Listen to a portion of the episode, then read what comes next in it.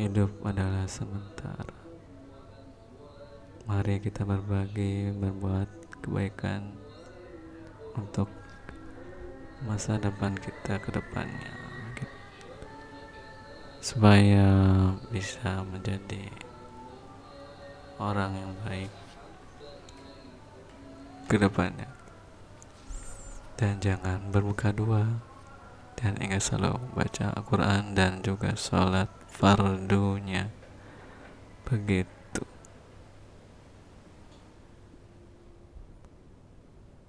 Dan tak lupa untuk selalu belajar istiqomah dalam kebaikan. Gitu.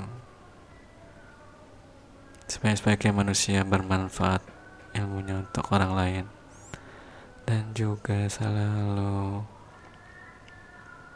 belajar memperbaiki diri dan belajar menjadi orang baik. Itu podcast pada siang hari ini. Semoga bisa bermanfaat bagi teman-teman yang lain.